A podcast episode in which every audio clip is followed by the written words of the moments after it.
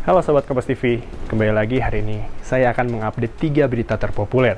Tapi jangan lupa untuk subscribe channel Kompas TV dulu ya. Kenapa? Karena kita akan membagikan giveaway kepada kalian semua.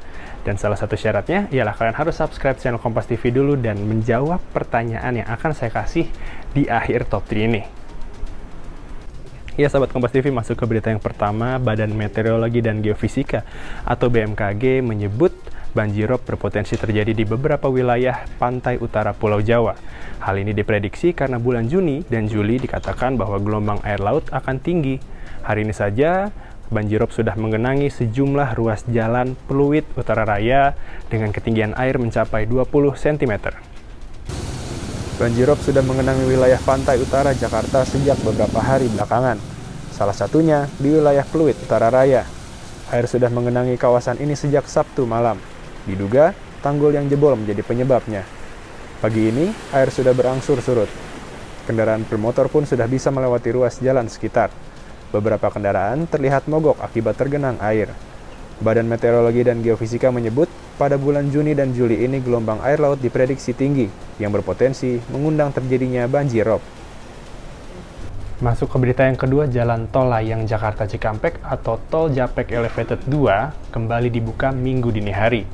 Tol yang dibuka ialah arah Jakarta menuju Cikampek. Jasa Marga kembali membuka jalan layang tol Cikampek atau Japek Elevated sejak minggu dini hari. Tol layang ini rencananya akan dibuka secara bertahap. Untuk tahap awal, jalur yang dibuka adalah tol layang dari Jakarta menuju Cikampek. Sebelumnya, penutupan tol layang dilakukan untuk mengatur mobilisasi masyarakat yang ingin keluar kawasan Jabodetabek, mengingat banyaknya masyarakat yang berniat untuk mudik. Ya sahabat Kompas TV, masuk ke berita yang ketiga. Kali ini akan mengupdate terkait penyebaran COVID-19 di Indonesia. Hari ini 7 Juni 2020 telah terkonfirmasi adanya penambahan jumlah kasus sebanyak 672, di mana total kasus positif ada 31.186 kasus, di mana 60,4 persen yang dari yang terkonfirmasi ini masih dalam perawatan sebanyak 18.837. Dan untuk yang sembuh, ada jumlahnya total 33,7% dari yang terkonfirmasi dengan 10.498 jiwa yang dinyatakan sembuh. Terkait dengan yang meninggal ada 5,9% dari yang terkonfirmasi sehingga jumlahnya ada 1.851 jiwa.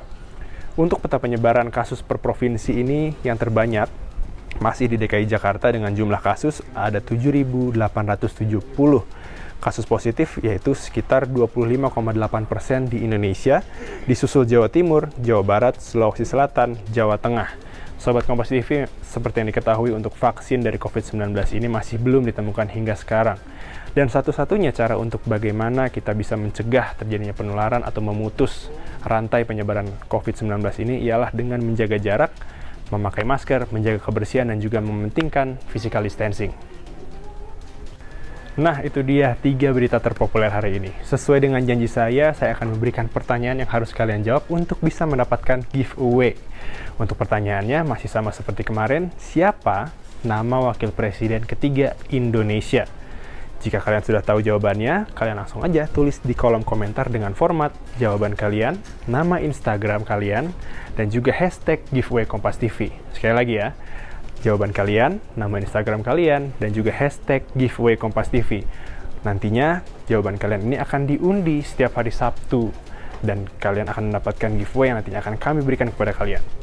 Jangan lupa juga untuk like, share, dan juga komen. Saya Elgin Fridianto, pamit undur diri.